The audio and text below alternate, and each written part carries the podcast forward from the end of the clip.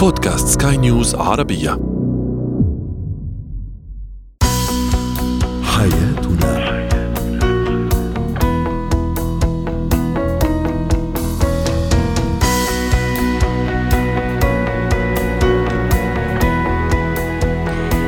الكرام أهلا بكم معنا إلى حياتنا فضاؤكم اليومي الذي يعنى بشؤون الأسرة وباقي الشؤون الحياتية الأخرى عفوا ويمكنكم أيضا المشاركة عبر رقم الواتساب 009715618886223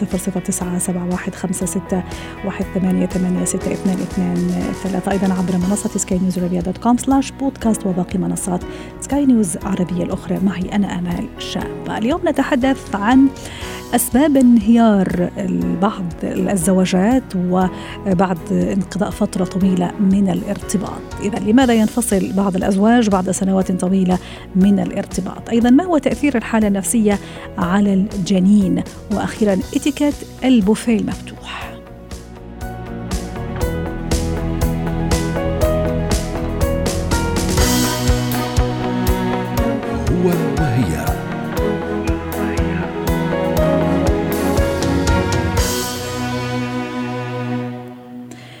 الطلاق بعد سنوات طويلة من الارتباط أو ما يعرف بطلاق خريف العمر.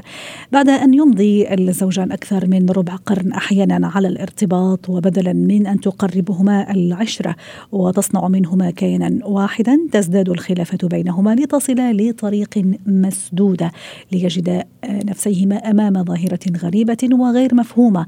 الطلاق في خريف العمر وأحيانا في آخر العمر. دعونا نرحب يا دكتور هاني الغامدي المحلل النفسي والمستشار الأسري والاجتماعي. سعد أوقاتك دكتور هاني. دعني أو دعني أستعرض بعض التعليقات التي وردتنا عبر منصات سكاي نيوز عربية. ربيع يقول بسبب تراكم الأخطاء البسيطة الواحدة تلو الاخرى وانعدام الحوار ومحاولة حل المشاكل بشكل وانعدام عفوا حل المشاكل بشكل عقلاني وجذري أول بأول إلى أن تصبح الحياة لا تطاق. أيضا تعليق آخر يقول عندما تتلاشى الثقة وتنعدم المودة والرحمة وللأمر أسباب أخرى العند من قبل الزوج الذي يريد أن يفرض آراءه على زوجته بالقوة وعدم احترامه لها أيضا تعليق لورا. وأخيرا تعليق يقول إذا فقد الحب والاحترام لا يدوم الزواج. أي علاقة ممكن أن تستمر إلا إذا فقد الاحترام لا تستمر. دكتور هاني ماذا يعني الطلاق في خريف العمر أو حتى في آخر العمر؟ لماذا يقرر الزوجان الطلاق؟ أو الانفصال بعد مرور أحيانا أكثر من 20 سنة أو 30 سنة على الارتباط؟ أهلا وسهلا بك سيدة أمال وبكل المستمعين ومستمعاتك الكرام كان نفس الموضوع بتاعنا اليوم يكون من ضمن فوازير رمضان ونحط جوائز له كمان لأنه بعض من الإجابات جابت النتيجة الصحيحة. شوف يا سيدتي الحب جميل موجود قد يكون في الصدور ولن يقتل الحب إلا الأساس في قتل الحب هو قلة الاحترام. للأسف مع تعدي الآخر أو عفوا طرف ما على الآخر مرة على مرة على مرة إلى أن يستمرئ قلة الأدب. كده بالآخر بين قوسين نحطها قلة الادب مش قلة الاحترام بس قلة الأدب. يعني يستمر انه هو يكون قليل أدب مع الطرف الثاني سواء كان مرأة تجاه رجل أو رجل تجاه امرأة. أوكي بس طيب دكتور هاني إذا أنا يعني ما أتحمل هذا هذا الصفة السيئة جدا اللي هو قلة الاحترام. المفروض من أول يوم يعني إيش اللي يخلي الزوج أو الزوجة تصبر على هذا على هذا الصفة السلبية والسيئة جدا في الشريك سواء زوج أو زوجة ل 20 أو 30 سنة. وبعدين تقول أو يقول إنه أنا خلص يعني غير قادر أو غير قادرة على تحمل قلة احترام الشريك لي. يا سلام عليكي حلوة المداخلة هذه. أنت كده جبت اللي كنت أنا حقوله يا أمال. للأسف إنه في البدايات أول 10 15 سنة يعني فيها شوية حاجات فيها تجاوزات بسيطة. ممكن إنه الأمور تمشي. الإشكالية يا أمال يا أختي بارك الله فيك كل من يسمعنا إنه قلة الأدب هذه تتضخم بشكل كبير بعد مثلا مرور 20 أو 30 سنة من الزواج. الإشكالية بأن هناك فقد للشغف أحيانا فقد لجزء من الرغبة تجاه من طرف تجاه طرف آخر فيعوض هذا الأمر بدل ما يمشي الأمور وبدل ما يكون فيها سدد وقارب وفيها مودة ورحمة. لا خلاص أنا رغبتي في هذه الإنسان أو رغبتي في هذا الإنسان قلت أو راح الشغف. فبالتالي يظهر مكانها قلة الأدب أو قله الاحترام. أنا بقول لها قلة أدب ليش؟ لأنه هي الكلمة التوصيفية اللي أكثر من موضوع قلة الاحترام لأنه قلة الاحترام إنه أنا ما أحترم قلة الأدب لا ده أنا أقعد له وأقل أدبي عليه من طرف إلى آخر. وبالتالي تصبح الحياة لا تطاق بمعنى إنه راح الحب قتلناه يقينا بقلة الاحترام وقلة الأدب وأيضا هو مش موضوع قلة احترام فقط وكل ما هذا اللي كنت راح أسأله يعني معقوله فقط هذا هو السبب دكتور هادي أكيد في أسباب أخرى يعني تختلف حسب الكابلز حسب أيضا شخصية الناس يعني. صحيح وبالتالي زي ما أنا قلت يعني إحنا بن بن بن بنحدد ونوصف المعنى إنه راح الشغف راحت الرغبة. جزء من ممكن أحيانا أسباب الزواج أصلا اللي خلتهم يرتبطوا قبل 30 أو 40 أو حتى 50 سنة. في مسببات طبعا لأنه إحنا من البدايات. وعلى فكرة خلينا بس أحطها بين قوسين قد يكون إنه بداية حياتهم حب عميق وجميل وما في بعدهم وقيس وليلى ولكن بعد مرور آه، سنوات طويلة بالتراكمية الخاصة بقلة الأدب مش قلة الاحترام لأن أنا وصفتها نجد إنه استمرارنا لهذا الوضع سيؤدي إلى اولا قتل الحب وثانيا وش بقي ما بيني وبينها من شراكة؟ ما عاد بقي ولا شيء، كبروا الأولاد. كل واحد خلاص بدأ يشوف طريقه. وما بقي غير هذا اللي بيقل أدبه علي أو هذه اللي بتقل أدبها علي، مش قلة احترام يا أمال، قلة أدب، قلة الاحترام زي ما قلنا إنه يقل احترامه. ولكن كل واحد ما زال في زاويته. لكن قلة الأدب لا ده أنا أقعد له وأقل أدبي عليه أو أقعد لها وأقل أدبي عليها. اذا بالتالي أصبح الأمر لا يطاق لأنه هناك تكرار من المهانة والخروج عن النص وألفاظ غير لائقة وكثير من الأمور الأخرى إذا بالتالي ليش ما نتطلق؟ ليش ما ننفصل؟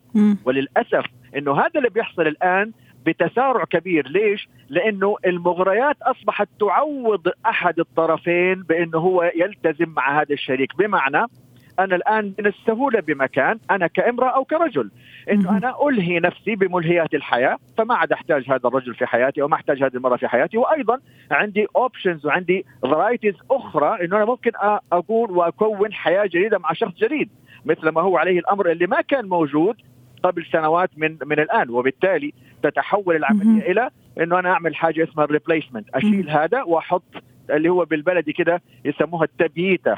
في عالم الشطرنج الناس اللي تلعب الشطرنج أشيل حاجة وأحط حاجة ثانية بديلة لها وبالتالي أنهي هذه العلاقة أو الشراكة الزوجية وأروح في حالي وأبدأ حياة أخرى مع شخص آخر. ممكن أيضا القرار إني خلاص أنا قررت إني أعتمد على نفسي خلاص آه، أبدأ حياة جديدة استقلالية آه، جديدة وما إلى ذلك. حضرتك أيضا ذكرت موضوع مهم أنا حابة أربطه كان البارح خبر يعني ممكن فاجئ الجميع اللي هو طلاق بيل جيت من زوجته بعد 27 سنة من الارتباط وكانوا مكونين يعني كابل طبعا ظاهريا كان يبدو إنه جدا متفاهم كانت عندهم المؤسسة الخيرية آه، قطعوا أشواط كبيرة جدا آه، وبعد قصة حب وما إلى ذلك. طيب إيش ممكن يكون صار في هذا النوع من العلاقات بعيدا عن قلة الاحترام وبين قوسين زي ما تفضلت أنت سميتها قلة قلة الأدب؟ يعني إذا نسمح نفسي آه، أقول هذا المصطلح. تمام.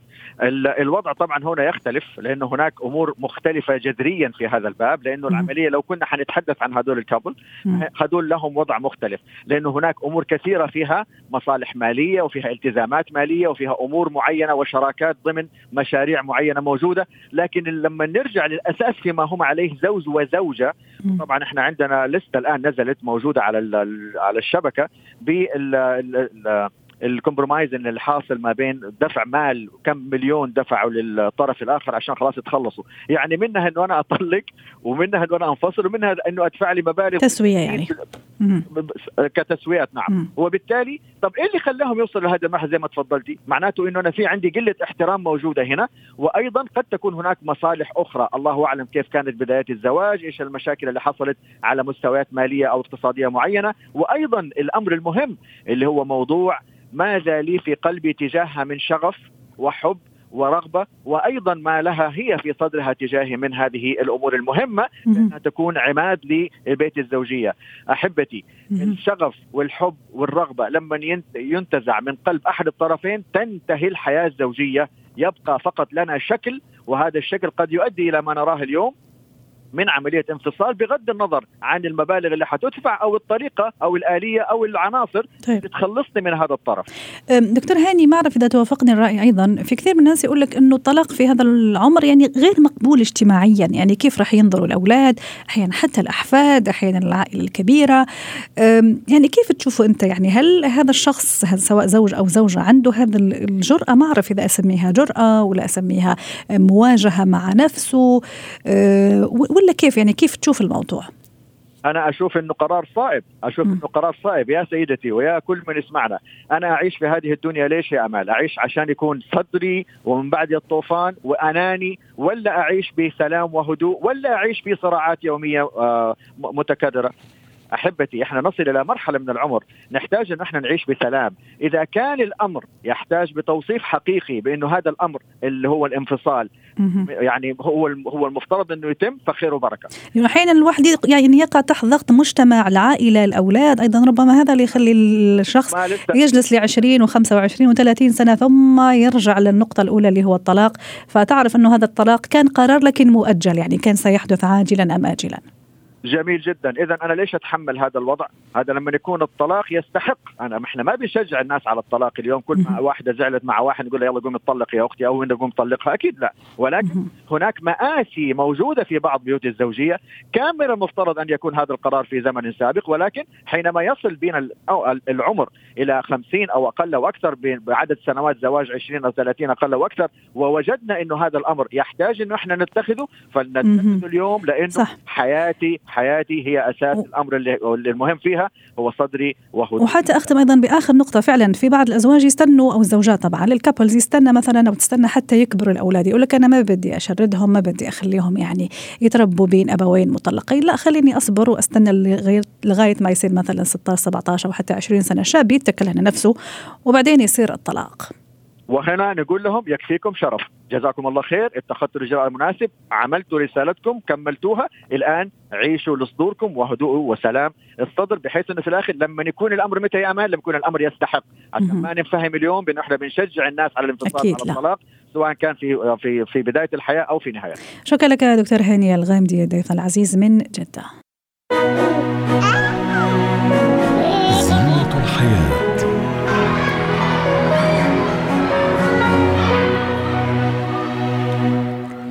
اليوم في زينة الحياة نتحدث عن تأثير الحالة النفسية والمزاجية السيئة على الجنين طبعا الحامل على الجنين.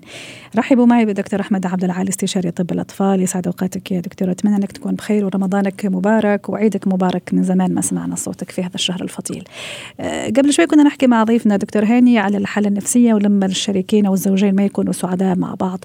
أه، تصور أيضا يحدث الحمل والحالة النفسية والمزاجية للمرأة الحاملة وللأم سيئة جدا. جدا. كيف راح يأثر هذا على صحة الجنين من الناحية الصحية؟ آه، أهلا بك أمال والسادة المستمعين.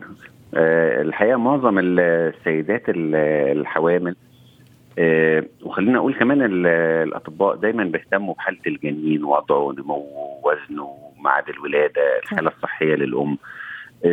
ما فيش انتباه كافي للتركيز على الحالة النفسية والمزاجية للأم بصفة عامة. زي ما الجنين بتأثر بأكل الأم وتغذيتها والأدوية اللي بتاخدها التدخين آه، كمان بتأثر بالحالة النفسية والمزاجية للأم تأثير مباشر وغير مباشر. آه، زي ما إحنا عارفين إن الجنين متصل متصل بالأم عن طريق المشيمة. كل ما يحدث للأم ينتقل للطفل. ومع إنه التغير في هرمونات الأم اللي بينتقل للجنين وبيأثر تأثير مباشر بيأثر حتى عملوا أبحاث لقيوا إنه بيأثر على ضربات قلب الجنين يعني ضربات قلب الجنين بتزيد عملوا سونار للأطفال اللي هم أمهاتهم عندهم توتر واللي ما عندهمش لقيوا ان إن ضربات القلب نفسها وسرعتها بتتغير مع توتر الأم. آه، حركة الجنين كمان بتزيد مع توتر الأم. حركة الجنين بينتقل توترها للأم. وفي أبحاث كتير أثبتت إن الحزن الشديد والاكتئاب أثناء فترة الحمل سواء بقى نتيجة مشاكل أسرية انفصال مشاكل والانفصال طبعا ليه توابع كتيرة جدا يعني مشاكل في العمل. ده مش ليه تأثير على الجنين بس ده ليه تأثير كمان على الجنين وليه تأثير على الطفل بعد ما يتولد. بيبقوا عرضه أكتر لاضطرابات نفسية. أيوه إحنا كمان ودنا اليوم نكون أكثر عمليين دكتور أحمد ونحكي مثلا شو ممكن يصير له. زي ما تفضلت من ناحية ممكن يكون عصبي أكثر متوتر أكثر. ممكن مثلا تعمل له تشوهات خلقية إذا كانت الحالة النفسية والمزاجية جدا يعني متطورة وجدا صعبة وسيئة لهذا الأم؟ هو الاضطرابات النفسية زي صعوبة في الكلام صعوبة في التعلم بعد كده. الطفل ده بيكون عصبي آه، ما بيركزش كويس. لقيوا كمان نسبة التوحد بتزيد في في الأطفال دي آه، نسبة الولادة المبكرة أو نقص الوزن وزن الطفل ساعة الولادة. إنما أرجع للنقطة اللي, اللي ذكرتيها اللي هي تشوهات الجنين ودي طبعا نقطة مهمة جدا. صحيح ما بتحصلش بصورة مباشرة من التوتر. إنما دايما التوتر والاكتئاب ده أكتر عدو لمناعة الشخص فده بتقلل مناعته وبيبقى عرضة لأمراض أكتر اللي ممكن تسبب بطريقة غير مباشرة. الأم لو اضطرت تاخد أدوية اكتئاب ممكن كمان تعمل تشوهات الجنين أه. تشوهات الجنين بتحصل بس بطريقة غير مباشرة.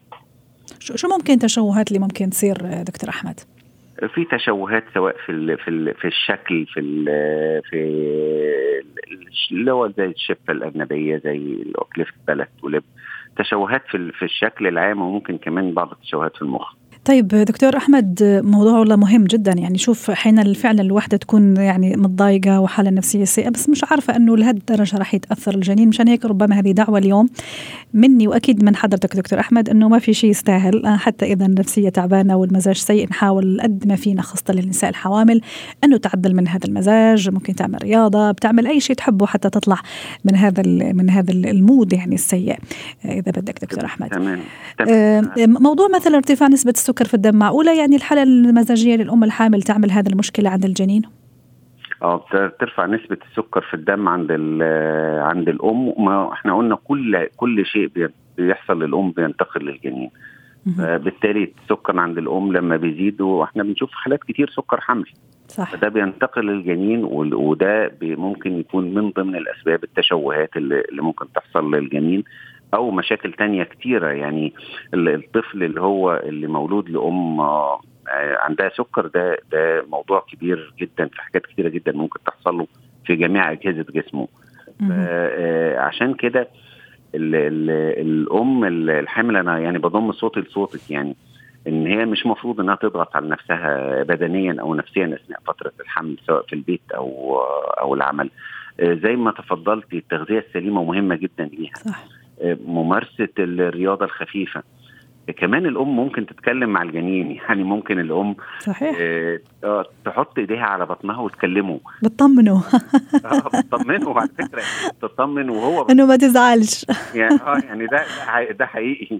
ما تزعلش. لما يعني لما يخرج للدنيا الدنيا هتبقى أحسن يعني. آه ممكن كمان لتخفيف التوتر يكون آه تتجه للرسم لسماع موسيقى القراءة. لعلاقات اجتماعية أكتر. آه، دايما بقول لأي شخص يعني مش الحامل بس أي شخص تحت ضغط نفسي ممكن يجيب ورقة وقلم ويكتب ويطلع مشاعره فيها لو مش قادر يقول الكلام ده لأي حد. ده بيساعد على تفريغ الطاقة السلبية. وأحيانا على فكرة دكتور حتى نختم أيضا على خير معك اليوم هذا اللقاء. أحيانا مو شرط حالتها المزاجية لأنه ممكن مش متفقة مع الزوج أو عندها مشاكل. أحيانا للخوف أيضا من فترة الحمل وممكن عملية الولادة والوضع أيضا. هذا يعملها شوية توتر مش شوية كثير توتر فيأثر على حالتها المزاجية.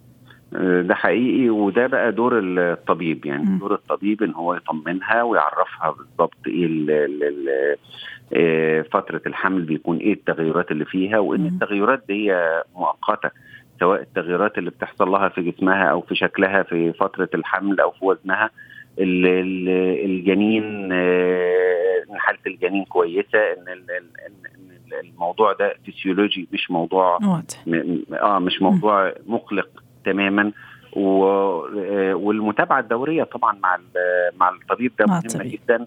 ودعم ال ال إحنا برضه عشان أكون منصف يعني الدعم العائلي خصوصا دعم الزوج ده بيفرق معايا كتير صحيح. النفسية ويحسن مناعتها وبالتالي تحسين مناعتها بيحسن مناعة الجنين نعم. شكرا لك دكتور أحمد عبد العال استشاري طب الأطفال ضيفنا العزيز من أبو ظبي ويعطيك العافية. اتكات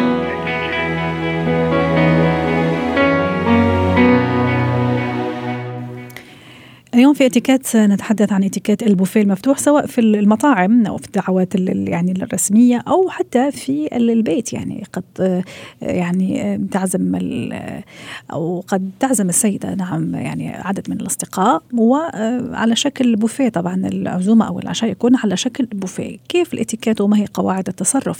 للحديث عن هالموضوع تنضم إلينا من القاهرة دكتوره سلوى عفيفي خبيرة الاتيكيت والبروتوكول الدولي. يسعد أوقاتك أستاذة سلوى. أنا عازمه ناس على بوفيه أو أنا آه، معزومة على آه، بوفيه مفتوح.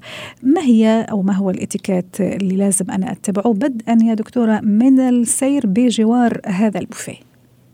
يسعد أوقاتك أستاذة أمال. والموضوع رائع. اولا البوفيه المفتوح من أكثر المواقف التي تظهر مدى تحضر الشخص وتظهر ملامح شخصيته أيضا من خلال سلوكه. آه هناك مبادئ عامة يعني يا ريت بس نحطها في أذهاننا. آه ومن ثم سأتكلم على القواعد. المبادئ العامة الطعام سيكفي لكل المدعوين. البوفيه المفتوح يعني هو له حرية الاختيار. يعني ممكن أذهب عشر مرات عشرين مرة أنا براحتي. لأن هو مفتوح ليس له عدد محدد من الزيارات. آه يعني مش شرط أني أجيب كل الأكل وأحطه في نفس الصحن يعني وكأنه الأكل راح يخلص يعني. اطلاقا حيكفي للكل. آه كمان آه بما إنه بوفيه مفتوح لابد أن سيكون في تنوع. يعني مثلا حتى في الوجبات الرئيسية سنجد اللحوم والسمك والطيور أو يعني ما شابه الدجاج أو أي نوع من أنواع اللحوم البيضاء. نعم. القواعد العامة أولا ننتظر حتى يأذن لنا المضيف أو صاحب الدعوة بالذهاب أو افتتاح البوفيه. هذه أول نقطة. آه ثاني شيء لو كنا مثلا شخصين مع بعض في مطعم آه يفضل إنه نقوم مع بعض. يعني مثلا ناخذ الشوربة مع بعض ناخذ السلطة مع بعض كما سأتحدث الآن. آه الالتزام بالصف والنظام مهما كان. يعني لو أنا حتى نسيت اخذ قطعة واحدة أو شغلة واحدة مش من الاتيكيت ابدا إني أنا أستأذن أو أتخطى شخص واحد. بسبب إني أنا مثلا سأخذ صنف واحد.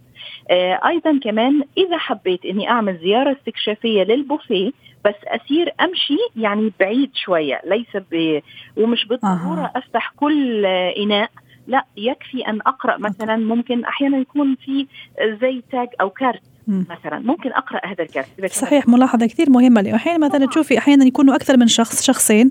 آه هي فرصة إنه يتعرفوا على الأكل وممكن أيضا يدخلوا في حوارات وممكن يعطلوا الناس اللي. اللي من وراء مستنيين ال ال ال السرع مثل ما بيقولوا يعني. إيه، بالضبط. المحافظة على المسافة كمان الشخصية من خلفي. يعني مش بالضرورة إنه مثلا حد يخبطني بالصحن اللي ورايا مثلا في ظهري أو تتخذ تتسخ الملابس. كمان في شغلة مهمة جدا إنه نستخدم الملاعق الخاصة بالغرف آه. ناخذ منها ونردها مكانها. لا نتركها في الإناء. في صحن بيكون عاده صح. أسفل الإناء الكبير أو الشافينج ديش. فلا بد أن نتركها في هذا المكان. هذه مبادئ عامة عموما يعني. آه بداية لابد أن نبدأ بالشوربة وهنا أقول أن الشوربة قد تكون اختيارية بس لازم أخذ مثلا إذا حاخذ من الشوربة أبدأ بها. هناك صحنين الصحن الغويط المقعر اللي هو نضع فيه الشوربة نفسها وفي ال saucer أو اللي هو الصحن الأسفل يكون صغير.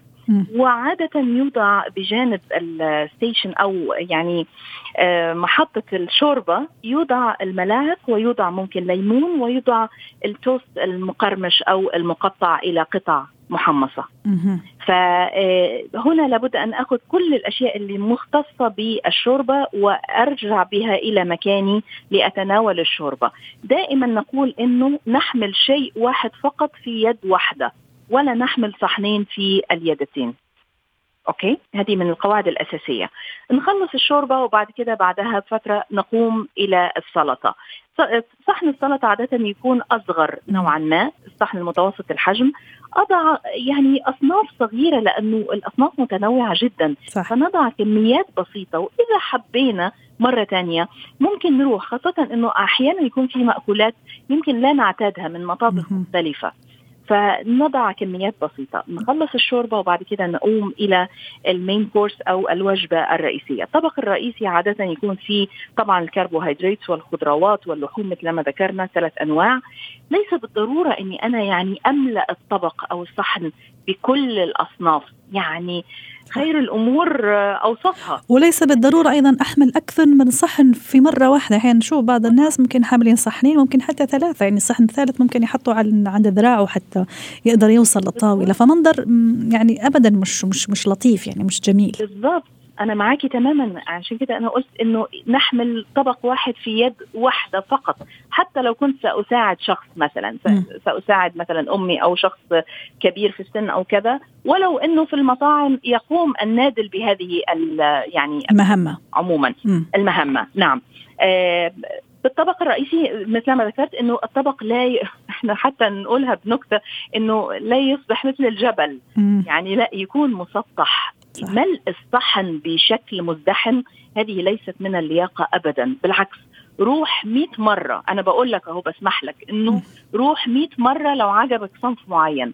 وضيف منه. بس طبعا لا تأخذ صحنك كل مرة نأخذ صحن جديد, جديد. من البوفيه نفسه. آه ملاحظة حلوة هذه. طبعا طبعا. مم. عمرك ما تأخذ الصحن اللي استخدم وتستخدمه مرة ثانية. واضح. آه الخبز عم نختم في 20 ثانية. أوكي الخبز أيضا يوضع في صحن لوحده والحلوى في النهاية توضع في صحن خاص أيضا الصحن المتوسط. ويا ريت نعمل حلقة عن آداب المائدة لأنه فعلا موضوع مهم جدا. إن شاء الله والكل عم يقول إنك جوعتينا والموضوع جوعهم. شكرا لك سلوى عفيفي ضيفتنا العزيزة من القاهرة.